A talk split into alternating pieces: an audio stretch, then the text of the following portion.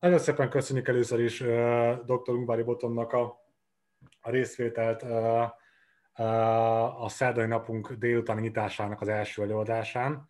Itt reméljük mindenkinek megvolt a kis ebédben a kis pié, és most egy picit belevetjük magunkat abba, hogy, hogy Botont hogyan látja egyáltalán a jogi, jogi innováció, meg általában az innováció, technikai innováció kérdéskörét így a, a multicégek, vagy így a, a szélesebb körben vett társaságok esetében a, a, a jogi munkaterén.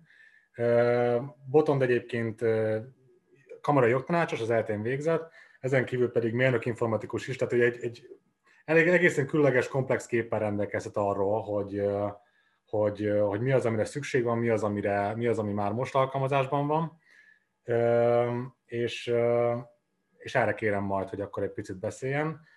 Az előadás végén lesz lehetőség majd, hogy kérdéseket, kérdésekre válaszoljon boton. Arra kérek mindenkit, hogy itt a képernyő alján a Q&A gombra kattintva tegyétek fel a kérdéseiteket nyugodtan csak az előadás közben, és az előadás végén majd ezeket akkor felolvassuk. És akkor botont, hogyha készen állsz, akkor át is adnám a szót. Hajrá! Készen állok, köszönöm szépen, én is köszöntöm a résztvevőket. A, közön köszönöm a megtisztelő meghívást, hogy én lehetek a nyitó előadás itt a délutáni programban. Remélem, hogy egyébként fog is ez jó adalékot adni a többi előadáshoz, hogyha a hallgatóságnak van lehetősége más kollégákat is meghallgatni.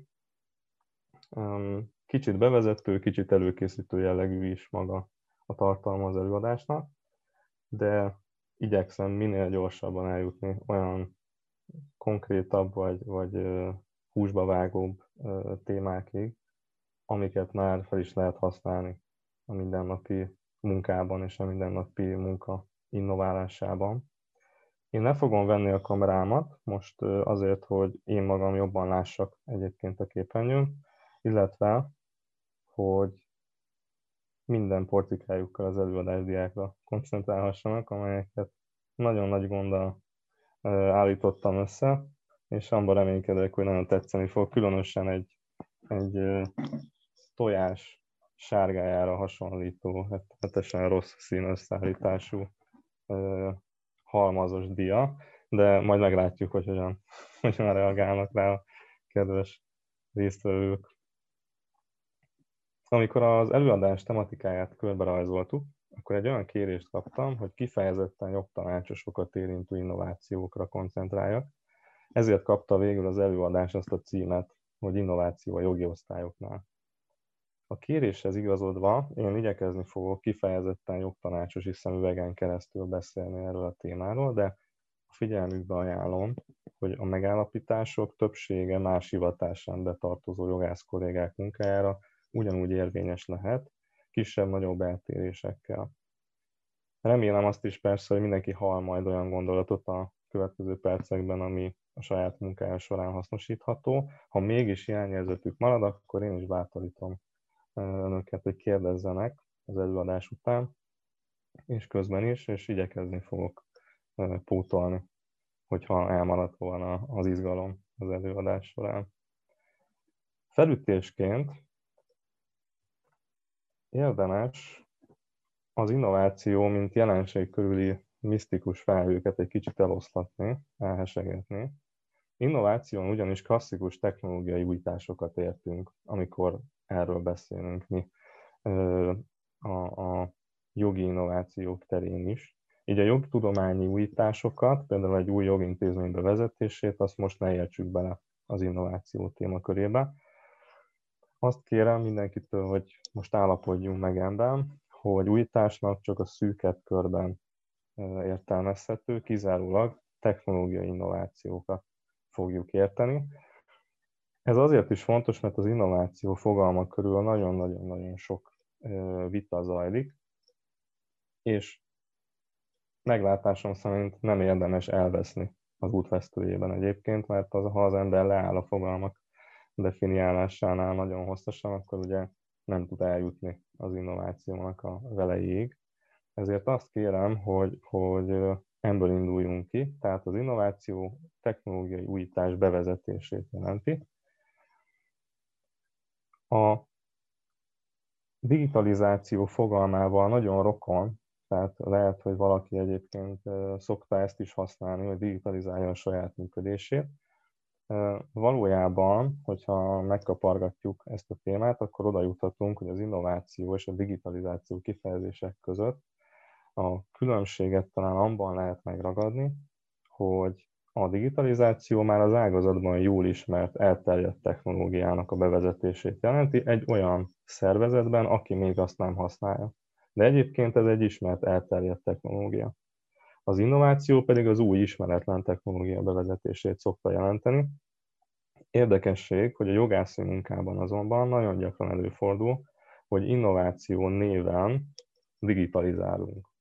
Sőt, az esetek 95%-ában csak digitalizálni szoktunk, pedig hangzatos cikkekben és előadásokban hirdetjük, hogy innovációkat vezetünk be a tevékenységünkbe. Ennek az oka az, hogy a jogi osztályokon történő innoválás, digitalizálás gyakran generalista jogi szoftverek bevezetését jelenti, például a szövegszerkesztő funkciói, fájkezelők, e-mail szolgáltatás, videokonferencia szolgáltatás, stb. Ezek a megoldások általában a jogi osztályon történő bevezetésük előtt is léteznek már a piacon, és jól ismertek, nem csak a jogászok, hanem a társadalomnak a szélesebb rétegei számára is. A bevezetésük a jogászi munkavégzésben mégis egy ilyen újdonságként hat az érintett jogi osztály működését tekintve. Itt kidomboríthatnám, hogy azért, mert a technológiai felkészültsége a jogász közösségnek meglepően elmarad a kutatások szerint más ágazatoknak a felhasználóihoz képest. Jelentős része tehát az innovációknak digitalizáció, és kívül esik a legal tech területén, ugyanis nem kifejezetten jogi munkára, hanem általános generalista irodai munkára fejlesztett termékeket vezetünk be a működésünkbe, és ezeket próbáljuk meg úgy hasznosítani, hogy modernebb, digitálisabb, hatékonyabb legyen a munkánk.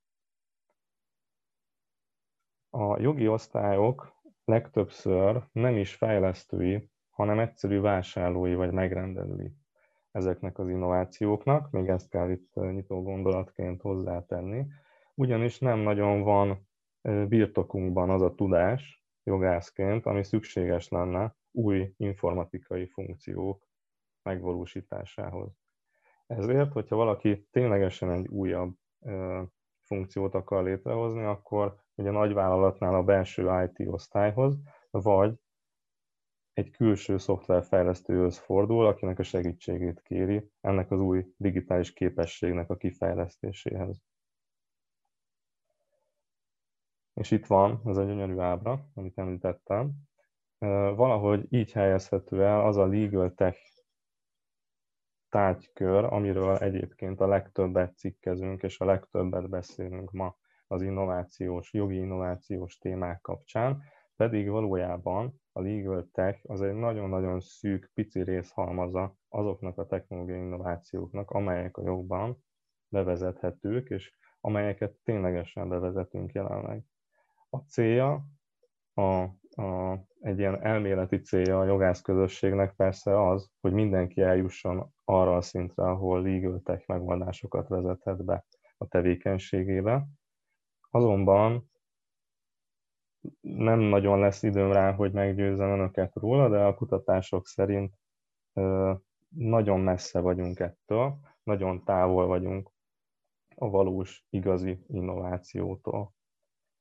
Igazi jogi innovációról ugyanis, bocsánat, itt még nem tartok, mindjárt átlépek ide, akkor beszélhetünk olyan felállásban, hogyha egy jogi osztály vagy ügyvédi iroda áll elő a fejlesztési ötlettel, ami a saját jogászi munkájának a fejlesztését, technológiai megújítását célozza. Így például a jogi chatbotok bevezetése egy legal tech, valós legal tech funkció bevezetésének tekinthető, mert a jogásznak azt a fajta intellektuális tevékenységét támogatja per váltja ki, ami már jogi diploma nélkül nem biztos, hogy megvalósítható. Így például, hogyha egy belső kollégánk például, a jogtanácsosként megkeres minket az üzleti területről, hogy nyújtsunk számára támogatást egy szerződéskötéses tárgyalás sorozat során, és mintákat, különböző dokumentum mintákat kér tőlünk. Egy jogi chatbot képes arra, hogyha a, ez a belső ügyfelünk jól megfogalmazza a kérdését írásban számára, akkor azonosítsa, hogy milyen dokumentum típusra van szüksége, milyen dokumentum mintát kell a kolléga figyelmébe ajánlania, így elérhetővé tehető NDA, vagy valamilyen szándéknyilatkozat, előszerződés, bármilyen más előkészítő irat mintája a saját mintatárunkba, anélkül, hogy egy jogász, egy jogtanácsos megnézné, hogy ténylegesen ez a dokumentum a jó iránya. Ez a része kiváltható technológiailag, és tényleg egy jogászi művelet, de azt remélem mindenki érzékeli, hogy ettől még majd ez a belső ügyfél meg fog minket keresni a tapasztalataink alapján azzal, hogy ő kitöltötte a mintát, beleírta a saját gondolatait, nézzük már meg jogász szemmel, hogy ez ténylegesen megfelel a jogszabályi előírásoknak. Ekkor már be kell lépnie az emberi munkaerőnek. Tehát egy nagyon, az oda akarok kiukadni, hogy egy nagyon szűk, nagyon pici metszetét a jogászi tevékenységnek lehet már legal tech funkcióval kiváltani, de érezhető, hogy még így is nagyon távol állunk attól a rémhírtől, amit lehet olvasni az innovációval szemben szkeptikus szakirodalomban, hogy ki fogja váltani a technológiai újítás a jogászokat, fel fogja váltani az emberi munkaerőt, ugye a jogi robotika és a jogi szoftverek világa. Ez nem igaz, azért nem igaz, mert ezek a legal tech megoldások is, ha csak egy, egy másik példát említve, ugye a jogi átvilágításhoz használt mesterséges intelligencia alapú jogi szoftverek nem kiváltják, hanem támogatják a jogászi munkavégzést. Szóval arra nem lehet számítani, hogy ki fogja váltani a legal tech a mi munkánkat, azt szeretnék mindenkit megnyugtatni, és az ábrán látható ö, pici aránya miatt is a legal tech megoldásoknak a, ö, az ágazatban, szintén azt javasolnám, hogy ne is tűzzük ki célként, hogy ilyen jogi innovációkat keressünk ma, ugyanis nagyon sok más teendőnk van még a digitalizáció, illetve a technológiai innováció keretén belül, azelőtt, hogy eljutnánk ehhez a legal tech típusú innováláshoz. A, ha megengednek egy adalékot, és akkor itt térnék rá erre a másik uh, diára, amit az előbb felvillantottam óvatlanul, egy konferencián elcsíptem egy adatot, egy nagyon érdekes adatot, amit most kontextusból kiragadva fogadják el, hogy itt tálalok. Az LLM Doveri LLP-nek a Lean Innovation témájában szervezett online konferenciáján ismertették a nemzetközi felmérésüket az LLM Doveri részéről. Nagyon-nagyon általában nagyon tisztelt jogász kollégák, és ők arra mutattak rá, hogy a megkérdezett ügyvédi irodáknak mindösszesen 5%-a állítja, hogy mesterséges intelligencia alapú technológiát használ a munkájában. Ez azért érdekes, mert sokkal nagyobb a hype a mesterséges intelligencia körül a jogban, mint amit ténylegesen üzen ez a felmérés. Főleg azért, mert egy másik felmérés alapján pedig már tudjuk, hogy egyébként a megkérdezett jogászok nagy százaléka, 95-96 százaléka nem is tudja, hogy mi az a mesterséges intelligencia, és azok, akik pedig 4-5 százalékban kapizsgálják, azok sem feltétlenül jól használják a mesterséges intelligencia fogalmát, így valószínűsíthető, hogy egy ilyen 10-20%-ra tehető ezeknek a egyébként szubjektív, tehát interjú alapján gyűjtött adatoknak az alapján, hogy ez az 5%, aki úgy nyilatkozott, hogy használ mesterséges intelligencia alapú szoftvert, valóban mesterséges intelligencia alapú szoftvert használ. Valójában nem azt használnak, csak nagyon okos, de egyébként más algoritmus alapján működő, iteratívan vagy rekurzívan működő egyszerű szoftvereket üzemeltetnek, csak mesterséges intelligenciaként, mint catchphrase, ugye nevezik, azért, hogy, hogy, hogy, hogy érezzék azt, hogy már eljutottak a high-tech típusú jogi technológiákhoz. Azért fontos ez, mert hogyha ezt a mesterséges intelligencia alapú technológia csomagot, amit kínálnak nekünk nagyon sok különböző helyen, így például egyébként nagyon jó előadássorozatokon, mint egyébként ahogyan ez is. Fontos elhelyeznünk, hogy valójában mekkora hányadát teszi ki ez az elérhető és reális technológiáknak a piacon. És az a helyzet, hogy pontszerűen tudjuk ábrázolni csak a valós mesterséges intelligencia alapú legal tech megoldásoknak a körét jelenleg ezen a gyönyörű tojás ábrán, ami azért nagyon-nagyon fontos megállapítás, mert üzeni, hogyha valaki az innovációra nyitott, és a jogi osztályán szeretne innovációt előidézni, akkor ahhoz bizony nem itt kell keresgélnie, nem a mesterséges intelligencia, vagy a big data, vagy egyébként a blockchain, tehát legmagasabb, legdivatosabb technológiák terén kell nézelődni, hanem valamilyen más általánosabb irányban. A, az út nagyon hosszú, nagyon messze van, ez a típusú high-tech előttünk, viszont ha az általános trendeket nézzük, akkor van remény, azt tudjuk megállapítani a mostani felmérések az elmúlt tíz évben összegyűjtött adatok alapján, hogy a nagyon konzervatív jogalkalmazás, jogalkalmazási gondolkodás leküzdhető azzal, hogyha az innovációs folyamatot megfelelően támogatjuk, és tudatos innovációs stratégiát vezetünk be, amire mindjárt rá fogok térni, hiszen ez lenne a fókusza az előadásnak.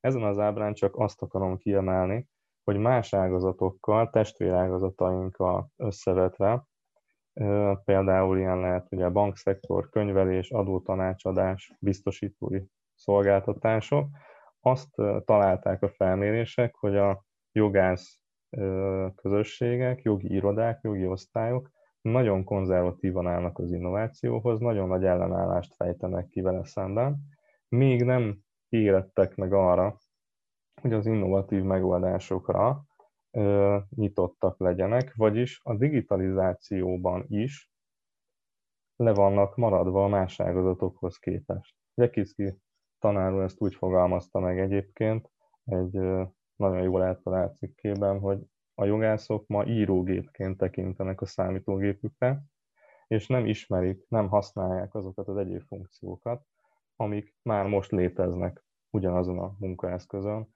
amit használnak.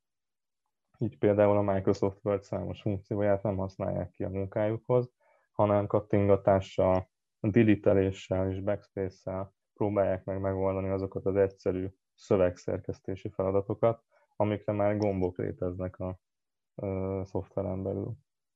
Az előadáshoz használt ilyen tradicionális japán illusztrációk, amiket itt az elő felvillantottam, tudatosan azt a, onnan erednek, hogy a jog és a jogásság technológiai fejlettségének a helyzete is nagyon hasonló ahhoz a kettősséghez, amit Japánból úgy lehet hallani, olvasni, illetve hogyha az ember elmegy Japánba, akkor ott megélni. A hagyományokhoz való ragaszkodás van az egyik oldalon, mint egy nagyon erős szervező erő, és a modern technológia iránti csodálat a másik oldalon, ami egy nagyon nagy lendületet adó erő, viszont nagyon vicces, illetve komikus helyzeteket teremt, amikor ez a kettő erő valamilyen fura egyensúlyba kerül, és a high-tech épületben, hagyományos öltözékben, hagyományos munkaeszközökkel, pálcikákkal, botokkal, papírokkal dolgoznak a munkavállalók. A jogásságnál ugyanez észlelhető a felmérések szerint, hogyha valakit érdekel egyébként ez a téma, akkor Peter V. Martin és Laurie Donahoe nagyon jó kis kutatásokat végzett a témában, és publikált néhány nagyon jó cikket arról, hogy a bírósági szervezetben, ügyvédirodák között, jogi osztályokon a, a jogászok gyenge alkalmazkodó képessége mögött milyen okok állhatnak. Az egyik egyébként az, hogy az egyetemi oktatás elégtelen a mai napon is, nincsenek rendes digitális jogi oktatások, másrészt, hogy nem számszerűsíthetők a jogi munkában a fejlesztések, a digitalizálás pozitív hatásai, hiszen nincsen mérőszámunk arra, hogy milyen hatékonyságjavulást jelent a jogi munkában egy, egy digitalizált, egy digitális megoldás bevezetése. Az az egyhangú álláspontjuk, hogy az innovációs kísérletek során a jogi szektorban jelentős emberi és technológiai akadályokat nagyon-nagyon nehéz leküzdeni, mert a fejnehéz szervezetben a legidősebb, legszeniorabb kollégák már nem olyan lendülettel vetik bele magukat a digitalizációval, mint egyébként azt más ágazatokban, ahol ugye kilaposodtak a szervezetek, most ez a, ugye ez a trend, ott a, a fiatalabb, vagy egyébként nem fiatalabb, de a modernizációra sokkal nyitottabb vezetők teszik. A jogi szektorban a számok szerint 30%-kal alacsonyabb az innovációs hajlandóság. Különösen súlyos megállapítás ez, hogyha az innovációs folyamatok általános jellemzésében is elmerül az ember. Például a magyar kutatók, Barta és Gubik 2019-es kutatásukban például kimutatták, hogy az innovációs kudarc esélye az üzleti életben közel 96 százalék. Ez azt jelenti, hogy az itt kivetített 100 villanykörtéből, ami mindegyik egy-egy innovációs kísérletet reprezentál, négy darabtól várható, hogy sikeres lesz. Az alacsonyabb innovációs hajlandóság miatt, amit említettem ugye a jogászoknál, a 100 villanykörtéből eleve 33%-kal kevesebb indul el. Tehát eleve 67 darab olyan, közel 67 darab olyan innovációról beszéltünk egy időben a jogi ágazatban, aminek a sikerességét ezt a 96%-os bukási rátával lehet megjósolni. Vagyis két darab, közel két darab innovációtól várható a jogban, hogy az sikeres lesz. Ez azért izgalmas, mert hogyha egyébként a, a 33%-os hajlandóságot összevetjük azzal, hogy 50%-ban csökkenhet az innovációk sikerének a száma pusztán azért, mert kevesebb a kísérletezési kedv, vagy a kísérletezéshez elérhető tőke és emberi erőforrás a jogi ágazatban, akkor már azt is levonhatjuk következtetésként, hogy talán egy első lépés lehet az innovációra való hajlandóság és az erőltetett innováció, vagy szebb szóval a tudatos innovációs folyamatok indítása a szervezeten belül. Na és itt érkezünk el oda, amit mondani akarok. Bocsánat, hogy ilyen hosszan belementem a, az általánosabb részébe ennek a témának, hogy az innovációs folyamattal nem nagyon szoktunk tisztában lenni, és számunkra is a, a Telekomnak a jogi igazgatóságán ez a felismerés volt a kapu, amin beléphettünk az innováció világába, hogy bizony szükséges a tudatos vizsgálata annak, hogy hogyan lehet a jogi munkát innovációkkal, digitális, új munkaeszközökkel és megoldásokkal segíteni. Klasszikusan három szakasza van az innovációnak, az innovációs folyamatnak. Ebből mi a középsőre kell, hogy koncentráljunk, magára a bevezetés lépésére, hiszen, ahogy említettem, a feltalálásban annyira nem jók a, a jogászok, és segíteni sem nagyon lehet, hiszen vagy van jó ötlet, vagy nincsen jó ötlet. A megvalósítást pedig ugye kiszervezzük valamilyen informatikai képességgel, ismerettel rendelkező csapathoz. Az innováció sikerét nagyon-nagyon sok tényező befolyásolhatja, ebből az öt legfontosabbat emelném itt ki, és ajánlanám a figyelmükbe. Az első, hogy a befolyásos személyek döntése, támogatása és folyamatos figyelme jelentősen hozzájárulhat, hogy egy innováció végig fusson a szervezeten belül. Az innovációs vezető manapság már egy ilyen divatos státusz, egyre inkább divatba jövő, inkább így mondom, státusz. A, ha jól tudom, a, a egyik legutóbbi felmérés szerint 7%-a válaszolta a megkérdezett jogi irodáknak azt, hogy rendelkezik innovációs vezetővel, tehát a divatos szó talán nem a legjobb kifejezés erre. Viszont kezd felfutni ennek is a, a, a korszaka, hogy kifejezetten az innovációval foglalkozó vezetőt neveznek ki a jogi osztályon. Nálunk is például egy innovációs stábot alakított a jogi igazgatóság, ahol hárman folyamatosan dolgozunk azon, hogy a jogi munkát modernizáljuk, és ez a, ez a szervezeti és személyi kinevezettség és a hatáskör megalapítása már önmagában jelentős ugrást jelentett az innovációs kezdeményezéseinkben. Nagyon nagy szám lenne, ha ezt mondanám, de körülbelül 80-90 százalékkal nőtt ténylegesen az innovációs kezdeményezéseknek az aránya az előző évekhez képest, pusztán azáltal, hogy kijelentésre került, hogy mostantól tudatosan foglalkozunk a saját munkánknak a fejlesztésével. A másik csoport pedig az újítók, akik Barabási Albert László könyveit, hogyha olvassák, akkor az általa úgy megfogalmazott személyi kör, akik nem, csak, hogy nem kell, hogy vezetők legyenek, és nem is kell, hogy kifejezetten a technológiával közelebb viszonyban álló kollégák legyenek. Elég, hogyha nagyon lelkesen próbálják meg adaptálni az újításokat, hogyha nagyon lelkesen kísérleteznek és próbálkoznak az új szoftverekkel, termékekkel a munkahelyükön és a munka környezetükben, amit használnak.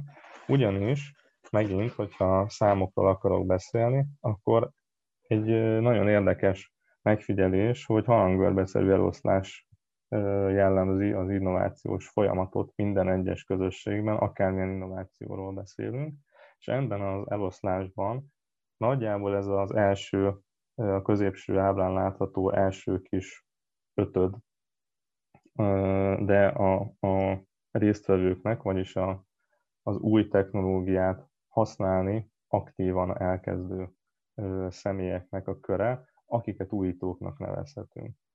Hogyha a teljes populációját nézzük a megcélzott közösségnek, ahol az innovációt be akarjuk vezetni, vagy egy új terméket, akkor mérhető, hogy ha a bevezetés időszaka alatt, a bevezetés első hónapjában, vagy az első kezdeti időszakában a közel egyötöde a populációnak elkezdi aktívan használni a terméket, tehát az új technológiát, lefordítva a jogi osztályra, ugye az 50 főből 10 ember már elkezdi használni a jogi, az új jogi szoftvert, amit bevezettünk, akkor várható, hogy végig fog menni az egész populáción a technológia iránti érdeklődés, és mindenki használatba fogja venni aktívan.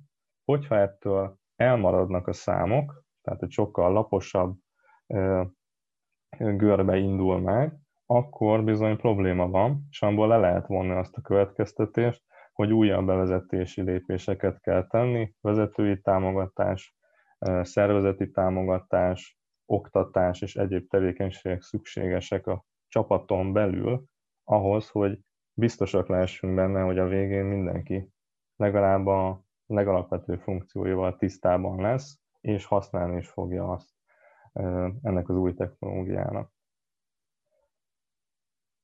Az ügyvédi kamarában egyébként, hogyha nézzük, 8, kb. 8000 ügyvéd van nyilvántartva, hogyha az lenne egy ilyen elméleti felvetésünk, hogy vajon mennyi ö, ö, új belépő szükséges az első hónapban ahhoz, hogy egy jogi technológia elterjedjen a budapesti ügyvédség körében, akkor erre az a válasz a halangörben alapján, hogy kb. 400 fő. Ha 400 főt meg tud szerezni egy szolgáltató, akkor az végig fut futni. Végig fog futni valószínűleg a, az egész közösségen. 50 jogtanácsosra leszámítva, én azt szoktam mondani, hogy egyébként 7-8-10 főnél ugye már megvan ez a halangörbés kezdeti szám, de én azt szoktam javasolni, hogy az egyharmad egyébként a legjobb. Becsüljük felül ezt az újítói kritikus tömeget, mert hogyha így indítjuk el a projektet, mondjuk ugye szervezünk egy közös tesztelést, mielőtt bevezetnénk, és ebben a összes kollégának az egyharmada is részt vesz, akkor biztosak lehetünk benne, hogy be is fog durranni ez az innováció.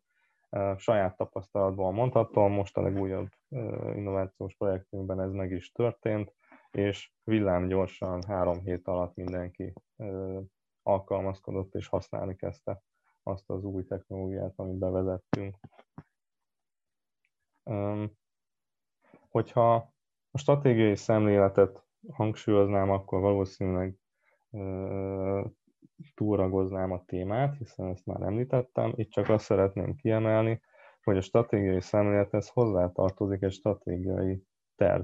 Tehát valamilyen innovációs stratégia elkészítése, írásos anyag, amelyhez bármikor fordulhat a vezető, és bármikor fordulhatnak az innovációban résztvevő kollégák.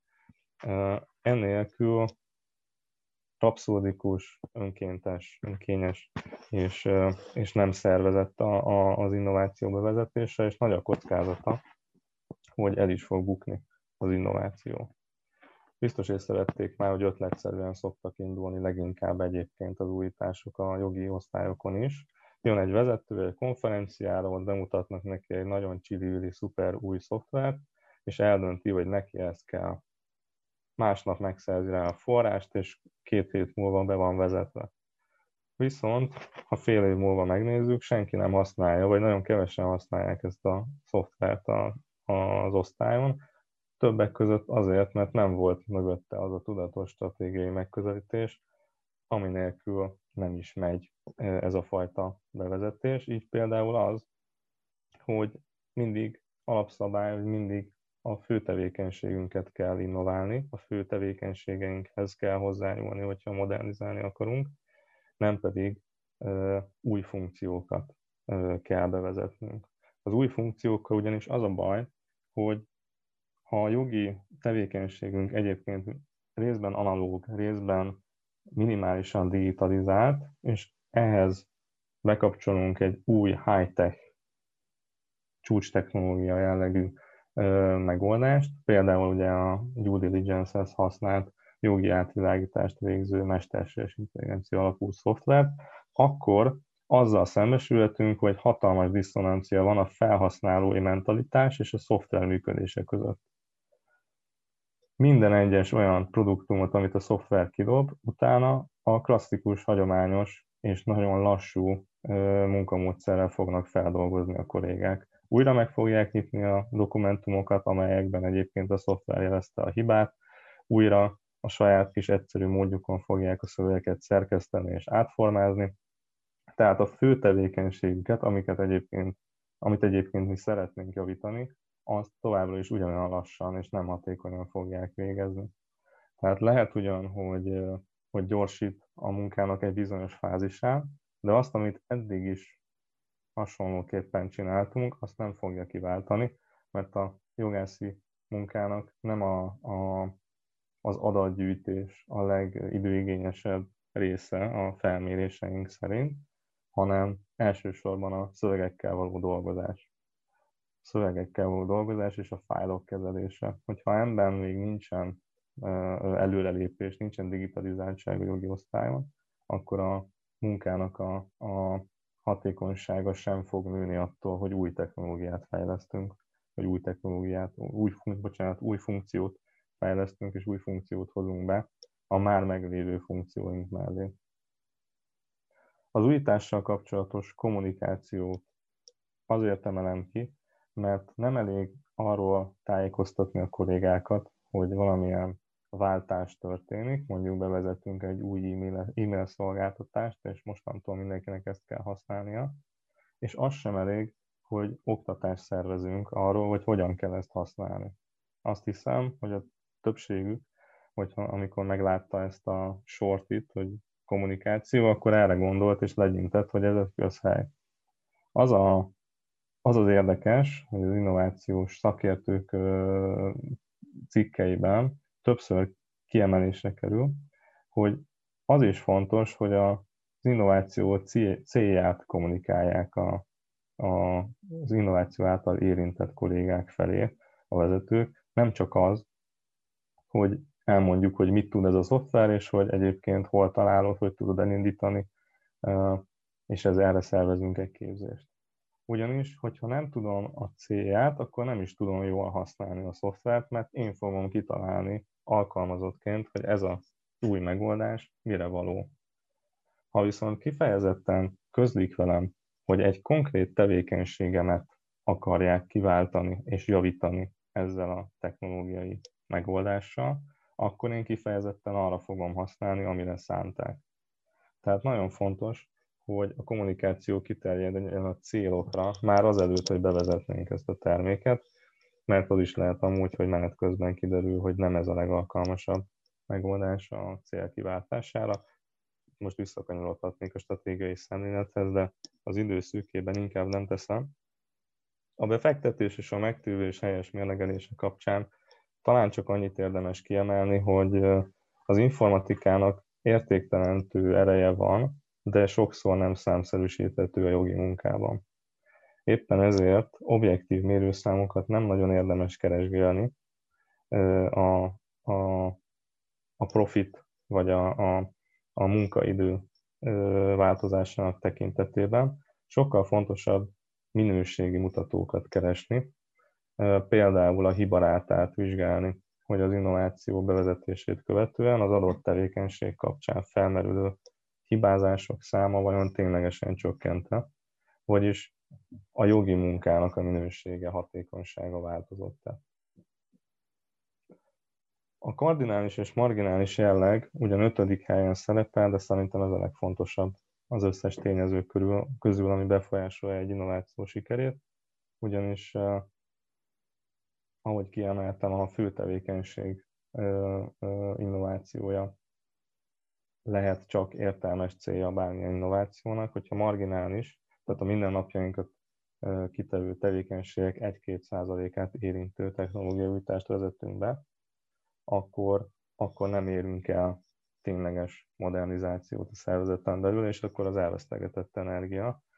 Illetve, hogyha párhuzamos funkciókat vezetünk be, akkor szintén ember futhatunk bele. Ezt azért emelem ki, mert a járvány kapcsán biztosan észlelték többen is, hogy olyan már létező videokonferencia szolgáltatásokat is találtak, találhattak a szervezeten belül, amit korábban egyébként nem használtak, pedig évek óta elő van fizetve.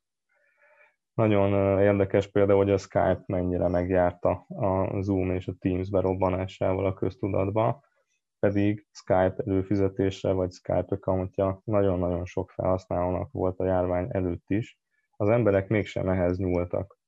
Ennek vannak üzleti okai, vannak biztonsági okai, és van az az oka is, hogy az innováció során az ötletszerűség és a tudatosság hiánya oda vezet, hogyha egy vezető számára felkínálnak egy új terméket az adott szolgáltató, aki el akarja ezt adni, akkor ha az elég meggyőző, elég jó pitch, akkor a vezető anélkül, hogy megnézni a szervezeten belül, hogy létezik-e már ilyen funkció, illetve használjuk-e a meglévő funkciót, hajlamos elfogadni ezt az ajánlatot és bevezetni ezt a megoldást.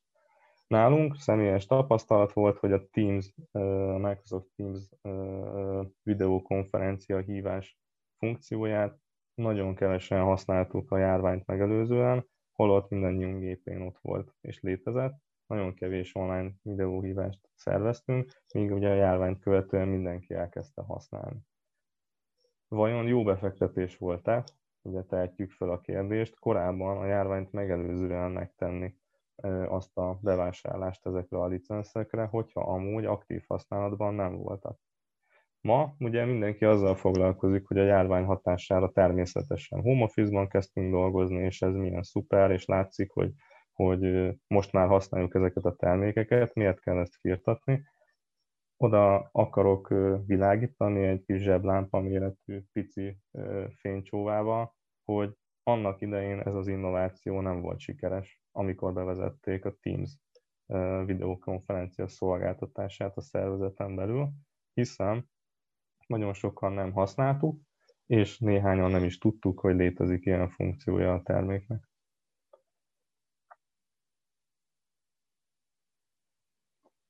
Lehet még említeni néhány más egyéb tényezőt is, amelyek talán kisebb jelentőséggel bírnak, de legalább ugyanolyan fontosak az innováció sikerét tekintve. Ez az egyik ugye a standardizáció, az, hogy ha már elkezdünk bevásárolni szoftverekből, akkor lehetőleg egymással kompatibilis, egymással könnyen együttműködő és egymásra épülő szoftvereket szerezzünk be. Sokat segít, hogyha azonos gyártó termékeit próbáljuk meg begyűjteni. Illetve a terminológiai is, tehát hogyha valakinek van egy nagyon jól működő file elnevezési metodikája, például a saját kis mappa rendszerében, akkor az segítheti ezeknek a feldolgozását utána a szoftveres úton. Hogyha file management szoftvert szeretnének bevezetni az osztályukon, hogy az iktatás meg az akták kezelése könnyebben menjen, akkor mindig vegyék figyelembe, hogy előtte, mielőtt a szoftvert bevezetnék, praktikus átnézni ezt az egész létező jogi adatbázist, ami egyszerű mappákban, ide-oda lementett fájlok formájában létezik a számítógépeinken, és először a licenc árának kifizetése előtt egy fél évet szállni arra, hogy manuálisan valamilyen szinten rendbe tegyük ezt az, ezt az adatbázist. Ugyanis egy file management szoftver nem tud semmit kezdeni egy olyan adatbázissal, ami nem következetes és nem rendezett.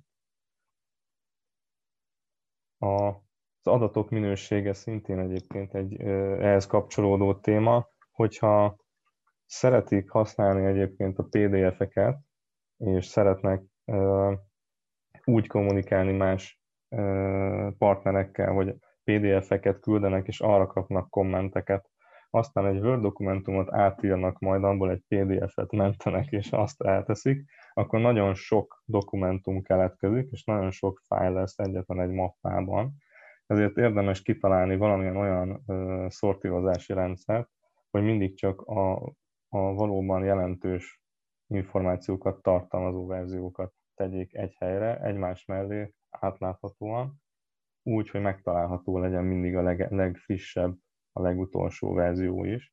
Ez régi mappáknál biztos találkoztak már ezzel, főleg, hogyha újonnan kezdtek egy új munkahelyen, hogy az ott megnyitott mappa struktúra nem egyértelmű, nem átlátható, ilyen okokból, mert nagyon sok fájl keletkezett különböző időpontokban, és nem volt rá file management politika. A technológiai felkészültséget már kiemeltem, ezt nem szeretném ismételten hangsúlyozni. A társadalmi és jogi környezetről pedig még talán annyit érdemes megemlíteni, hogy egyfajta szemléletváltás azért elindult láthatóan a jogban, a jogi innovációkban is. Nyitottabbak lettünk a technológiára, illetve a digitális munkaeszközeinkre azáltal, hogy otthoni munkára kényszerültünk, és ennek köszönhetően most van egy felfelé ívelő ága az innovációnak is az egyes jogi osztályokon, nálunk is azt hiszem, hogy többek között ez eszkalálta, vagy ez, ez indította be a, a, az innovációs törekvéseknek azt a, azt a magvát, ami ma már tetten érhető változásokat eredményezett a mindennapi munkánkban is. Ehhez szeretném csak a figyelmükbe ajánlani egy ilyen záró gondolatként a, a Magyar Telekom jogigazgatósága által saját használatra gyártott digitális jogász 19 pontját, amelyben van egy, egy, egy ilyen mondat, amit kiemeltem, és figyelmükbe ajánlok, hogy ha képes vagyok a problémákat én magam előidézni a saját számítógépemen, akkor képes is vagyok ezeket kiavítani. Valahol itt kezdődik, ezzel a szemlélettel kezdődik a, a, az innovációhoz vezető út, hogy elfogadom, hogy képes vagyok irányítani azt a számítógépet, azt a munkaeszközt, amelyel dolgozni vagyok kénysz, kényszerű, vagy kénytelen.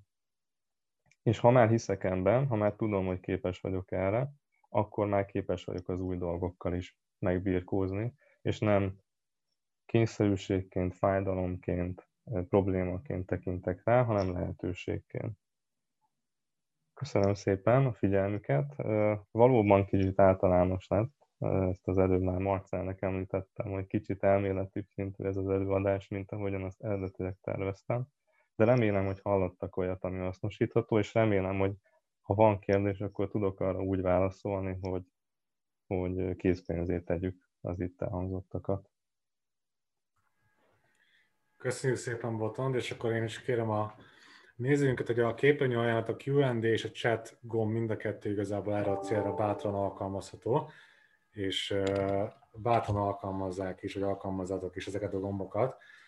Te végén nagyon érdekes szempontot hoztál fel ez az egész oktatás témával, erre is majd lesz egy kérdésem, de elsődlegesen így, ami engem érdekelni, és nyilván itt most üzleti titkokat nem mondhatsz el nyilván, meg, meg persze erre figyeljünk, de tudsz-e mondani olyan konkrét programot, vagy folyamatot, amit mondjuk így légületek keretében alkalmaztok ti is napi, mindennapi munka során? Konkrét megoldást. Olyat tudok mondani, ami ebben a digitalizációs körben létezik, mert a Legaltech megoldás most kerül majd indításra, tehát ezt most fogjuk előkészíteni, mi is egyébként jogi chatbotban gondolkozunk. Ami már létezik, az két, két innovációnak tekinthető technológiai újítás. Az egyik tényleg egyértelműen az, szerintem mindenki számára annak tűnik, vagy tűnt nem csak tűnik, hanem látható, ez egy feladatelosztási rendszer, egy olyan platform, ahová a különböző kollégáktól beérkező igényeket, tehát feladatokat tudjuk berakni, és onnan az éppen szabad kapacitással rendelkező jogász kollégák tudják ezt kivenni. Ezt teljesen nulla pénzráfordítással saját erőből fejlesztettük, rendelkezésre álló Microsoftos eszközökkel, és most már lassan két és fél hónapja, három hónapja működik, és nagyon jelentősen változtatott azon a terhen, ami egyébként a feladatoknak az egyenlőtlen elosztása miatt egyes kollégák érintett. A másik az egy, az egy talán kevésbé innovatívan hangzó dolog, ez a timesheet, aminek a bevezetése szintén mostanában az idejében történt. Ennek az, a, az az érdekessége, hogy ezt is teljesen ingyen, teljesen a saját erőnkből fejlesztettük. A, bocsánat, folyamat automatizálással egy kitölthető űrlap segítségével tudjuk táblázatos formába, majd kimutatásokba átterelni az adatokat. Jogászok fejlesztettük mi magunknak, a saját képünkre formáltuk az egész adatgyűjtési rendszert is, szemben azokkal a piacon elérhető timesheet, illetve idő kimutatás, időmenedzsment szoftverekkel, amelyek nagyon drágák, tehát ha valaki utána néz, akkor láthatja, hogy elég vaskos díjakat lehet az éves licenszért fizetni. Másrészt annyira nem alkalmasak a, az egyéniesítésre. Mm. Tehát uh, így, hogy miénk a rendszer, mindent tudunk benne állítani, és új kérdéseket, opciókat is bele tudunk tenni. Mhm. Így nagyon jól tudjuk vizsgálni, figyelni a saját működésünket, és, és következtetéseket levonni belőle, míg ez egyébként egy fizetős szoftvernél nem lenne elérhető.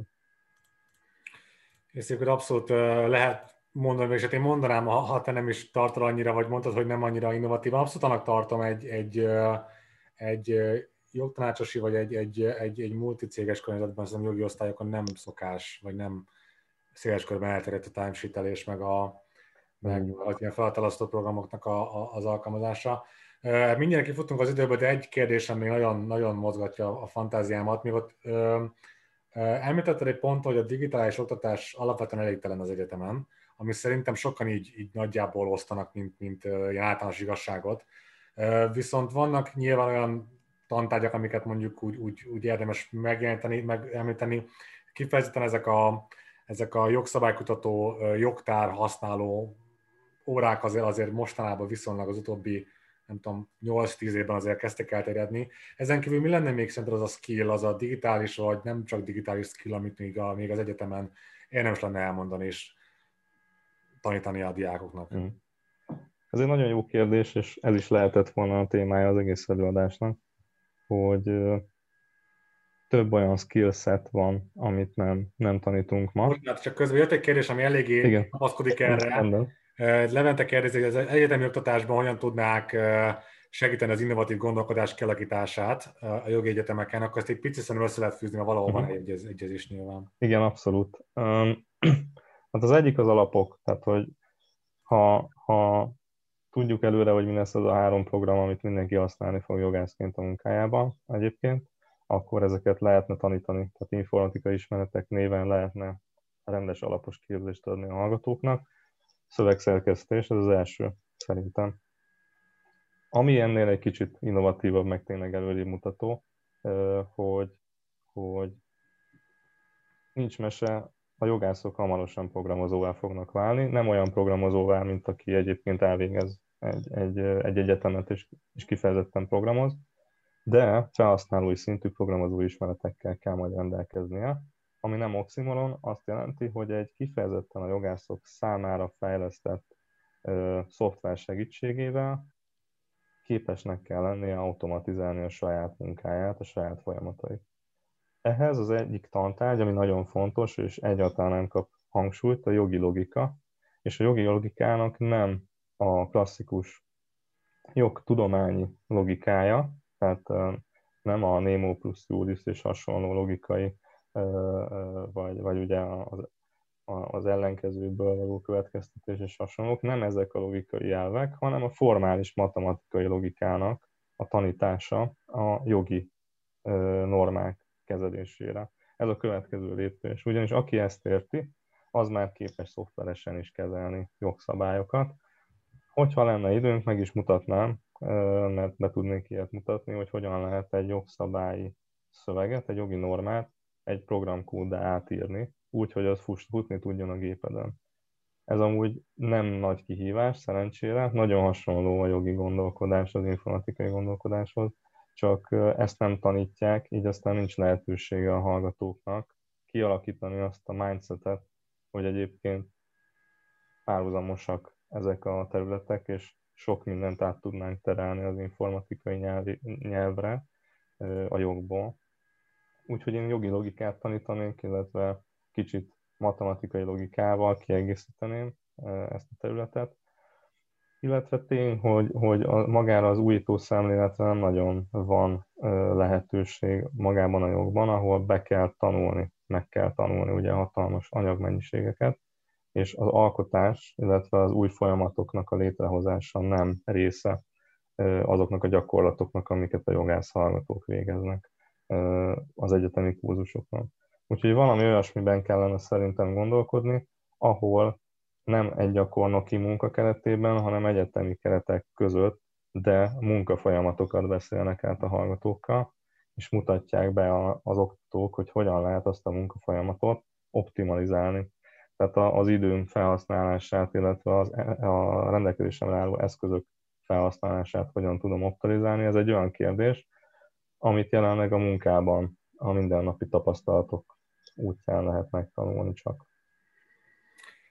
Nagyon szépen köszönöm, és köszönjük Botonnak a, az előadást, és köszönjük a, a részvevőinknek is, hogy, hogy végighallgattak és jelen voltak velünk. Most pedig kettő órától egy picit, picit hasonló témában a vállalati jogászok kívásáról fogunk beszélgetni, és várjuk ott is, hogy a, a kedves nézőink tartsanak velünk. Sziasztok! Köszönöm szépen, és további szép napot, sziasztok!